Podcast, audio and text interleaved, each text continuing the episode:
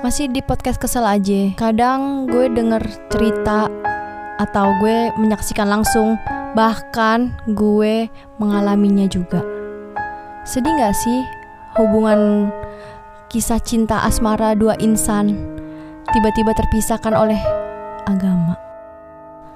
Faktor keluarga atau lingkungan yang gak menerima dari agama A ke agama B atau agama B ke C tanpa ada kepastian siapa yang mengalah dan siapa yang berjuang untuk mempertahankan tuntutan.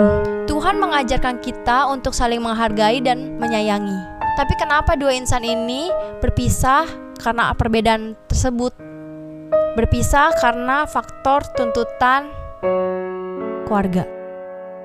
Harusnya dua insan ini tuh udah dibiarkan memilih apa yang jadi keputusan mereka.